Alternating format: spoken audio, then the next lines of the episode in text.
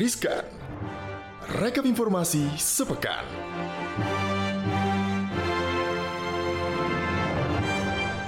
Hai Sobat Cuan Hai hai Apa kabar Sobat Cuan? Merdu banget openingnya guys kan udah mau weekend bentar lagi kan Kalau mau weekend tuh kayak serasa dicas ya Justru malah Iya, energinya malah full betul. lagi Harus ada lowbat karena kita besok libur Jadi harus tambah Tetap semangat Semangat Apalagi kita ketemu di Riskan Rekap informasi sepekan Yes. Bareng sama gue Angel Valentina Dan, juga Dan- ada yang cantik Kayaknya gak percaya.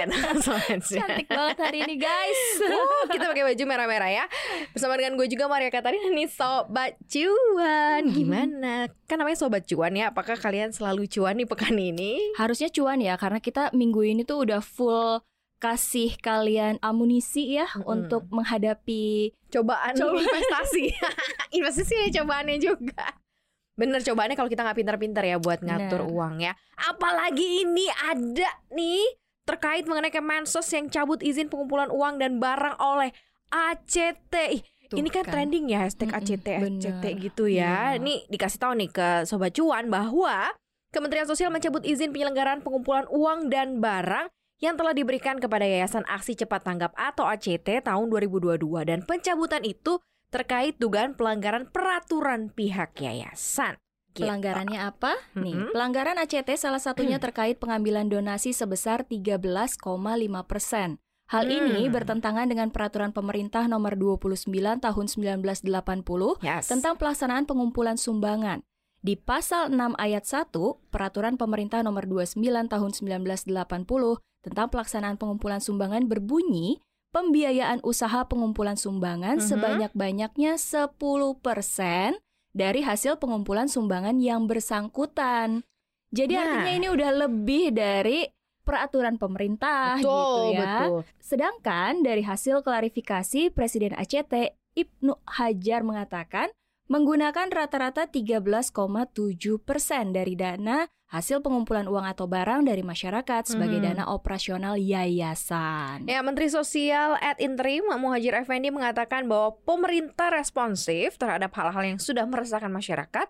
Selanjutnya pemerintah juga akan melakukan penyisiran nih terhadap izin-izin yang telah diberikan kepada yayasan lain dan untuk memberikan efek jerah agar tidak terulang kembali. Sementara itu Pusat Pelaporan dan Analisis Transaksi Keuangan PPAPTK memblokir 60 rekening atas nama Yayasan Aksi Cepat Tanggap ini. Rekening itu terdapat di 33 penyedia jasa keuangan ya dan Mhm, Kepala mhm. PPATK Ivan Yustia Vandana ini menyatakan bahwa pemblokiran tersebut bertujuan agar tidak ada lagi dana donasi Setuju. yang masuk ataupun keluar dari rekening ACT. Padahal ini namanya udah lumayan besar. Aksi Cepat Tanggap Iya ya. kan, setiap ada bencana, setiap ada apa segala macam, masyarakat pasti percaya ACT aja deh, ACT aja deh yang udah pasti menyalurkan bantuan. Tapi ternyata guys, Tapi emang ini ya eh, aksi sosial dan kepentingan personal tuh beririsan banget sih tipis. Bener. Karena kan namanya manusia biasanya kalau ngelihat yang namanya uang kan lupa sama hati nurani ya. Bahkan kan katanya gaji CEO-nya ya, eh gaji apanya ya? presidennya, presidennya. Presidennya tuh 250 jutaan kan mengalahkan gaji-gaji CEO startup. Makanya kayak foundation atau yayasan apa tuh karena penyumbang atau penyokong dananya merasa bahwa uang yang diberikan gitu ya atau Mm-mm. masyarakat merasa bahwa ini adalah untuk dana bantuan jadi mereka memang ya nggak nggak tanggung-tanggung gitu ya. tanggung gitu Iya, tapi benar. ternyata kok memperkaya uh, beberapa pihak-pihak tertentu ya kan Iya, padahal betul. sebenarnya kalau dialokasikan lebih banyak untuk sumbangannya kan banyak juga yang tertolong gitu kan Benar. bener gak sih ya Betul. kan apalagi nih ditambah lagi ada sesumbar sumbernya Pak Zul Pak Menteri kita yang baru Mm-mm. menjabat beberapa minggu, hampir sebulan ya. hampir sebulan ya Pak ya harga minyak kita 14.000 per liter di mana pun katanya di mana pun, Di mana pun, katanya. di Jadi Menteri mana pun. Perdagangan Zulkifli Hasan menyatakan sedang berusaha untuk menurunkan harga minyak goreng curah di seluruh Indonesia nih, termasuk dengan meluncurkan minyak goreng kemasan sederhana dengan merek minyak kita Hmm. yang dijual dengan harga eceran tertinggi atau HET ini Rp14.000 per liter untuk di konsumen akhir. Mhm. Gitu. Zulhas juga mengatakan minyak kita ini bisa menjadi inovasi agar distribusi minyak goreng bisa lebih cepat dan merata. Mhm. Dan distribusi minyak kita ini mulai dipacu sejak 6 Juli kemarin agar cepat bisa dijangkau di seluruh Indonesia. Wih, kece sih Pak. Karena demi menyelesaikan carut marut minyak goreng, dia juga mengaku nih sudah menelisik berbagai permasalahan yang ada di rantai pasok minyak goreng. Setelah penelusuran, ternyata ada satu aspek yang tidak jalan dengan sebagaimana mestinya Mhm. gitu ya, yaitu rantai distribusi yang katanya saat ini sih udah dibenahi. Hanya saja pantauan CNBC Indonesia menemukan bahwa minyak kita sudah bisa dibeli kok lewat platform belanja online dan dijual dengan rata-rata uh, harga berlipat-lipat yakni antara 22.500 per liter sampai 42.000 per liter atau tiga kali lipat dari HET. Padahal kan Zulhas ya Angel ya Mm-mm. sudah mewanti-wanti nih minyak goreng kan nggak boleh lebih katanya dari HET. Betul, tapi kalau misalkan kita lihat antara eh, yang diluncurkan sama Pak Zulhas dengan yang dijual di online ini memang terlihat ada beberapa perbedaan di eh, kemasan minyak kitanya ini Mm, mm, Kak. mm, Kalau mm, mm, misalkan minyak kita yang diluncurkan sama Pak Zulhas itu dilengkapi dengan eh, label harga HET-nya itu Rp14.000 per liter, kemudian ada logo 100% Indonesia dan juga ada keterangan LPPOM MUI gitu Mhm. ya. Sementara kalau yang dijual online ini hanya tertulis minyak sawit difortifikasi vitamin A Oh. gitu. Jadi apakah ini ada apa beda ada beda ini ya kandungannya? eh, bukan mungkin apa ini dioplos atau apa atau itu dia makanya. tahu juga kita ya. Nah ini Pak, Dioplos sama apa sama Nggak- air. coba, coba Pak dicek Pak Jadi di curiga. di platform belanja online Pak ini ada yang masih harganya di atas dari 14.000 gitu ya. Karena memang sebenarnya intinya untuk menyamakan harga ada hal-hal yang harus diselesaikan dulu sih di bawahnya. Benar. Karena kan harga tuh kan yang akhir ya.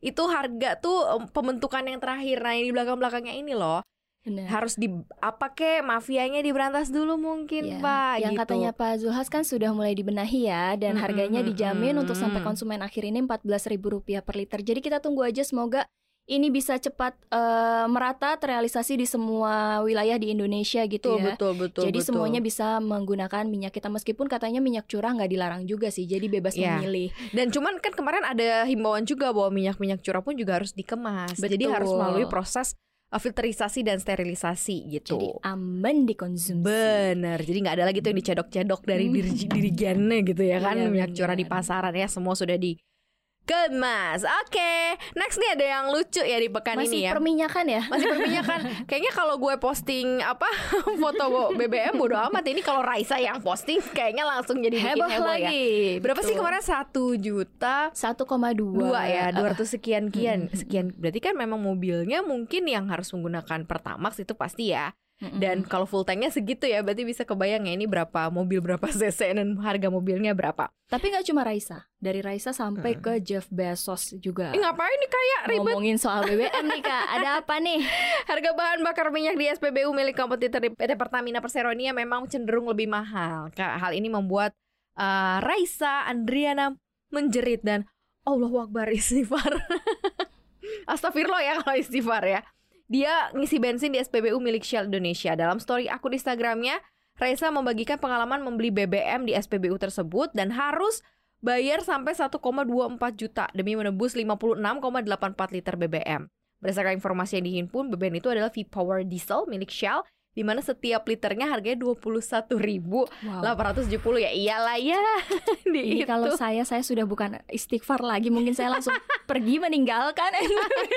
atau enggak sorry mas gak jadi mahal Jadi kalau kita mengutip lagi nih ya dari analisisnya tim riset CNBC Indonesia, tingginya harga minyak dunia ini mengerek harga BBM di seluruh dunia termasuk di Indonesia. Harga terbaru Juli di SPBU Shell pun tembus 21.870 per liter untuk V-Power Diesel, salah satu produk kelas atas dengan Mhm. standar Euro 5. Angka tersebut bisa jadi yang merupakan yang tertinggi sepanjang sejarah penjualan bensin di Indonesia.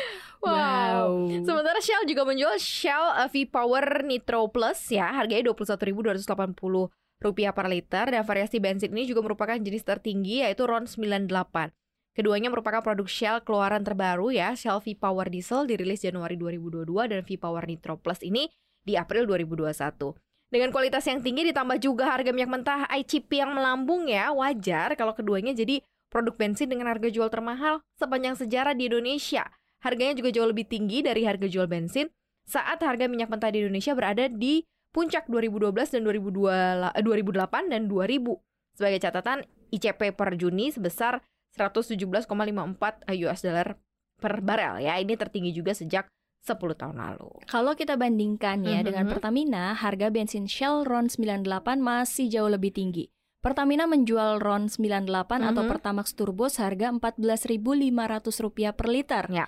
Nah, faktor lainnya kenapa harga bensin ini sekarang mahal, Kak? Mhm. Karena tingginya kurs rupiah dibandingkan dengan dolar Amerika Serikat kan. Iya, iya, iya, Selain iya. itu juga dipengaruhi sama beberapa faktor seperti uh, mid Mid oil oil plus ya. Singapura, kemudian juga biaya komponen lain seperti margin serta juga distribusi. Sebenarnya tapi nih Raisa bukan pesohor pertama yang ribut soal harga minyak. Pendiri Amazon yang juga salah satu miliarder terkaya dunia Jeff Bezos juga. Gitu. Mm-mm. Namun meski temanya sama, kasusnya ini sedikit berbeda. Kalau Bezos ini mengecam Presiden Amerika Serikat Joe Biden karena meminta agar pom bensin menurunkan harga jual bahan bakarnya. Dalam sebuah cuitannya ini Biden memang mengatakan bahwa ini adalah waktu perang dan bahaya global. Kalau kita merujuk ke harga bahan bakar gitu ya. Ia menuntut perusahaan untuk menurunkan harga bensin yang sudah melonjak menjadi sekitar Rp75.000 per galon di banyak negara bagian. Oh. Biden ini mencuitkan gini, turunkan harga Oh, iya. yang Anda kenakan di pompa untuk mencerminkan biaya yang Anda bayar untuk produk tersebut. Dan lakukan sekarang gitu kata Oh, iya, Presiden benar, asal benar, benar, Delaware itu dalam akun Twitternya. Dan waktu si Pak eh, Biden, eh, Biden ini mencuitkan Bezos langsung bereaksi ya dengan Mhm. menyebut pernyataan Biden itu didasari pada pengamatan pasar yang dangkal. Mhm. Ia malah menyebut bahwa Biden ini salah arah katanya. Kata Bezos gini nih, aduh inflasi adalah masalah yang terlalu penting bagi Gedung Putih untuk terus membuat pernyataan seperti ini. Entah itu salah arah atau kesalahpahaman mendalam ya tentang dinamika pasar dasar. Hal ini pun juga menimbulkan tanggapan sekretaris uh, pers Gedung Putih, Karine Jean-Pierre yang kala itu ia menyebutkan bahwa pernyataan Biden karena harga minyak telah turun sekitar 15 uh, dolar per barel pada bulan lalu sementara harga di pom bensin hanya mengalami sedikit penurunan. Hmm. Gua setuju sih ini sama Bezos. Ini petinggi Mohon maaf petinggi nih ya. mohon maaf ini. Karena statementnya ya aneh gitu. Maksudnya 15 ri- 15 dolar lo baru turun uh, kemarin terus langsung harganya turun gak begitu Mbak Karin gitu dan gak begitu juga Pak Biden, Biden. gitu kan. Ini dinamika dan mekanisme pasar yang membentuk Benar. gitu dan kayaknya mereka harusnya lebih tahu ya. Oke, Jal, next next next. Yang juga harus dicek baby check selain bensin ini ada iuran resmi BPJS Kesehatan per Juli Oke. 2022. Jadi nggak sih nih yang eh, kelas standar-standar itu? Yang satu kelas ya sama ya, Iya. jadi semuanya sama ya. BPJS Kesehatan memastikan tidak ada wacana untuk perubahan iuran kepesertaan Meskipun kelas rawat inap standar Pengganti 1, 2, dan 3 mulai diuji cobakan Mhm. Kepala Humas BPJS Kesehatan Arief Budiman menyatakan skema dan besaran iuran masih sama dengan yang sebelumnya Mengacu kepada Peraturan Presiden nomor 64 tahun 2020 tentang perubahan kedua atas Perpres nomor 82 tahun 2018 tentang jaminan kesehatan bahwa besaran iuran ditentukan berdasarkan jenis kepesertaan setiap peserta dalam program JKN. Pak Arief juga menuturkan nih, bagi masyarakat miskin dan tidak mampu yang terdaftar sebagai peserta PBI, Hmm? iurannya sebesar Rp42.000 yang dibayarkan oleh pemerintah pusat dengan kontribusi pemerintah daerah sesuai kekuatan fiskal tiap daerah. Selanjutnya, bagi peserta PPU atau Mhm, pekerja mhm. penerima upah atau pekerja formal baik penyelenggara negara seperti ASN, TNI, Polri, dan pekerja swasta, besaran iurannya sebesar 5% dari upah, dengan rincian 4% dibayarkan oleh pemberi kerja dan satu persennya dibayar oleh pekerja. Untuk perhitungan iuran ini berlaku pula batas bawah yaitu upah minimum kabupaten atau kota dan batas atas sebesar 12 juta rupiah. Jep, jep. Dan terakhir nih ya, bagi kelompok peserta sektor informal yang tidak memiliki penghasilan, tetap dikelompokkan sebagai peserta PB PU atau pekerja bukan penerima upah dan BP atau bukan pekerja. Untuk jenis kepesertaan ini, peserta juga dapat memilih besaran iuran sesuai dengan yang dikehendaki. Misalnya nih ya, kelas 1 Rp150.000 rupiah per orang per bulan. Kelas 2 sebesar Rp100.000 rupiah per orang per bulan. Dan juga untuk kelas 3 Rp35.000 rupiah per orang per bulan. Perlu diketahui juga nih Sobat Cuan, kalau khusus PBPU kelas 3, sebetulnya ini udah mendapatkan subsidi atau bantuan dari pemerintah sebesar Rp7.000 per orang per bulan. Sehingga sebetulnya kalau untuk kelas 3 itu totalnya Rp42.000, tapi yang dibayar sama kita itu cuma Rp35.000 per orang per bulan. Wow, ini kalau yang dilihat dari kelas satunya udah jadi 150 ribu eh, rupiah per orang per bulan. Mhm. Kalau satu kakak misalnya isinya tiga bisa udah 450 ribu, isinya empat 600 ribu ini gede sih. Mm-mm. Harusnya kalau kita perlu bantuan pengobatan dan kesehatan sih sebaiknya eh, sudah tidak disusahin lagi ya kayak yang kemarin-kemarin karena iurannya terlalu murah ya. yes. Mudah-mudahan ini bisa berjalan lancar semuanya ya dan bisa semuanya jadi pemerataan terhadap eh, akses kesehatan dan pengobatan di Indonesia juga bisa diterima oleh semuanya Betul, ya. mulai dari minyak, kesehatan, semuanya bisa Betul. rata merata di seluruh Indonesia gitu Nah. ya sobat cuan ya. Oke, sobat cuan selamat bersenang-senang, selamat happy-happy. Jangan lupa untuk dengerin konten podcast kita lainnya.